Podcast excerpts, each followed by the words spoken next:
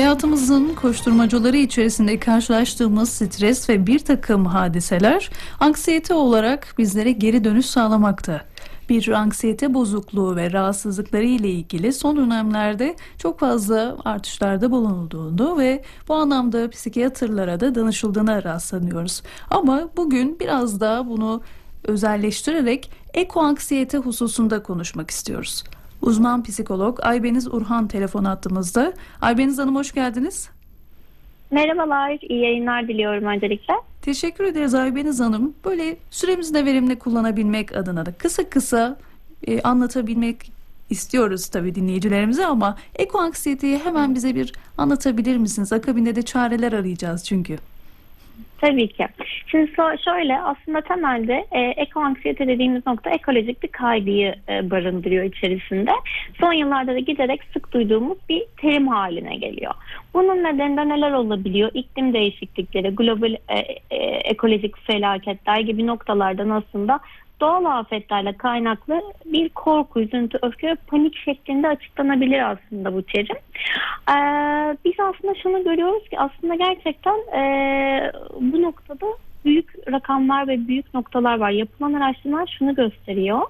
Eylül 2021 yılında yapılan bir araştırmada şunu görüyoruz. Yani e, farklı farklı 10 ülkeden e, bin e, katılımcıyla gerçekleştiriliyor bu araştırma ve e, gençlerin %60'ında iklim kriziyle ilgili ciddi bir kaygı duyduklarını e, fark edebiliyoruz.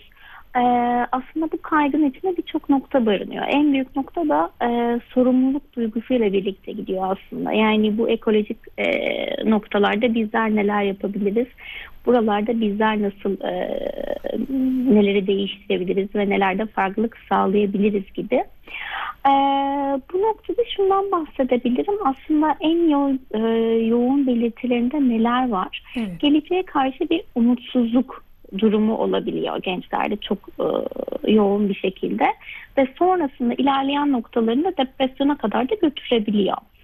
E, kızgınlık ve öfkeyi sık sık görebiliyoruz aslında yoğun bir öfke noktası yaşayabiliyorlar. Neden bu şekilde geldi, neden bu şekilde oldu gibi. Söylediğim gibi yine bir suçluluk duyabiliyorlar. Ve e, bir panik durumuyla karşı karşıya kalıyorlar aslında. Yoğunlukla biz bu şekilde bir belirtileri gözlemleyebiliyoruz. Aslında Aybeniz Hanım bu bahsetmiş olduğunuz ankette baktığımız zaman gençlerimiz zaman zaman yetişkinlerden e, bazı cümleler duyabiliyor. Nedir onlar? E, gelecekle ilgili farkındalıkları ne kadar yüksek? Sorumluluklarının bilincinde mi? Biraz daha sanki kayıtsız kaldıklarıyla ilgili belki bazı cümleler işitiliyor ama şimdi sizin bu bahsetmiş olduğunuz hususlar son derece farkında oldukları yönünde karşımıza çıkıyor ama istemediğimiz taraf e, bunun anksiyeteyle sonuçlanması oluyordu. Bunun da oranlarının yine çok yüksek olduğunu mu söylüyoruz yoksa bir çözüm üretmekten ziyade biraz daha olumsuz tarafa odaklanan bir yapıda mı ilerlemeye başladık insanlık olarak? Evet çoğu zaman bunu görüyoruz. Zaten kaygının aslında e, belli bir noktada bizleri e, olumlu olarak etkilediğini e, söyleyebiliriz. Çünkü bizi performansa yaklaştıran, performans ve eyleme geçiren bir noktada aslında kaygı. Ama bu çok yoğun hissettiğimiz zaman ve artık böyle kendi işlevselliğimizi bozacak noktada olduğu zaman zaten biz artık burada bir e, klinik boyuttan ve uzman desteğinden bahsedebiliyoruz. E, bunun dışındaki kaygı zaten bizleri eyleme dönüştürmek için iyi bir noktada böyle bir motivasyonel bir kaynak gibi de bunu söyleyebiliriz.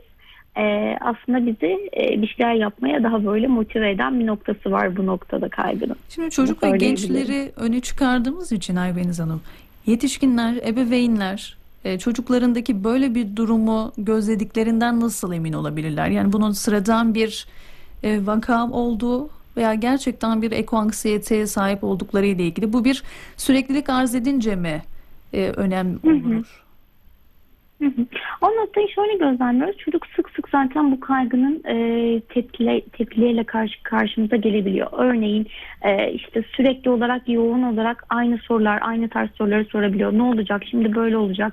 E, bugün de böyle olabilir mi? Bugün de yangın çıkabilir mi? Bunu böyle yapmazsak ne olur gibi böyle çok yoğun kaygının aslında bize işaretlerini verebiliyor. E, bir şeyler yapma noktasında çok motivasyonları düşebiliyor. Geleceğe dair plan yapmada e, çok böyle bir moral ve motivasyon düşüklüklerini fark edebiliyoruz. Aslında birçok noktada olabiliyor. Davranışsal etkinliklerde böyle bir azalma görebiliyoruz. Ee, tek bir noktadan değil aslında birçok noktadan etkilerini gözlemleyebiliyoruz biz çocuk ve ergenlerde. Aybeniz Hanım, tabii bakıyorum süremiz de az kalmış ama e, çünkü çok derin bir husus. Belki kısa sürede bunu aktarmak kolay olmayacaktır. Şimdi sizinle konuşmadan öncesinde de bu alandaki araştırmalarda baktığım zaman kişilerin yorumları, e, şikayetleriyle ilgili yer alan sıklıkla öne çıkan maddelerde aslında bilinçli olduklarını görüyorum. Yani diyorlar Evet. ki bunun normal olmadığının farkındayız. Daha sakin bir şekilde karşılamam gerektiğinin bilincindeyim. Ama zaman zaman sanki bedenim kilitleniyormuş gibi oluyor. E, nefes alamayacakmış gibi hissediyorum. Bunu bir türlü engelleyemiyorum. Ya beden farklı bir refleks geliştiriyor şeklinde bir yaklaşım var. Buna dair de çözümler aradıklarını e, görüyoruz. Sizler neler tavsiye edersiniz? Ee, aslında şu noktaya kesinlikle ve kesinlikle katılıyorum. Bu kaygıyı yaşayan kişiler zaten e, bu noktada çok bilinçli olan kişilerde biz bu kaygıyı gözlemleyebiliyoruz. Aslında e, bu konuyla yakından ilgilenen kişilerde bu kaygının daha da arttığını görebiliyoruz.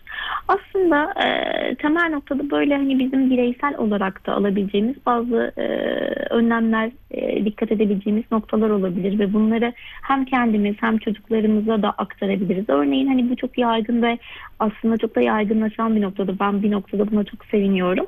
Ee, hani plastik e, torbalar yerine kendi alışveriş çantalarımızı taşınmak. İşte hani mesela kendi mataralarımızı her gün kahve alıyorsak düzenli bir şekilde kahve tüketimimiz varsa her gün plastik ya da işte karton e, şeyleri kullanmak yerine kendi e, termosumuzu yanımızda götürmek çok büyük önlem olabiliyor. Ya da e, dışarıdan sipariş veriyoruz çoğu zaman e, hayatın koşturmacasında. Onların yanında mesela hep bir seçenek oluyor. Hani bazen göz ardı edebiliyoruz ama e, çatal bıçak servisi istemiyorum gibi. işte peçete kullanırken daha dikkatli olmaya özen göstermek gibi. Aslında çok küçük e, noktalarda hani böyle çok büyük etkilere e, fark edebiliyoruz. Hani küçük noktaların büyük değişimlere e, götürebildiğini fark ettiğimiz noktalar olabiliyor. Aileler olarak mesela aile günleri mesela çocuklarımızla beraber böyle aile temizlik günleri olabilir. işte böyle Birlik sahiller ya da hı hı, böyle etkinlikler planlayabiliriz. artırmak. daha çevreci bir yaklaşımı kendi hayatımıza e, bir kere yerleştirebilmek çözümün ilk adımları olacak diyorsunuz. Çok teşekkür ederiz Aybeniz Hanım. Ben çok teşekkür ediyorum. Ee, yine tekrardan görüşmek dileğiyle iyi yayınlar diliyorum. Uzman psikolog Aybeniz Urhan'la ekoanksiyeteyi öğrendik, konuştuk efendim ve bu anksiyeteyle başa çıkmanın yollarını kendileri bizlere aksettiler. Bugünlük de sizlere veda ediyoruz.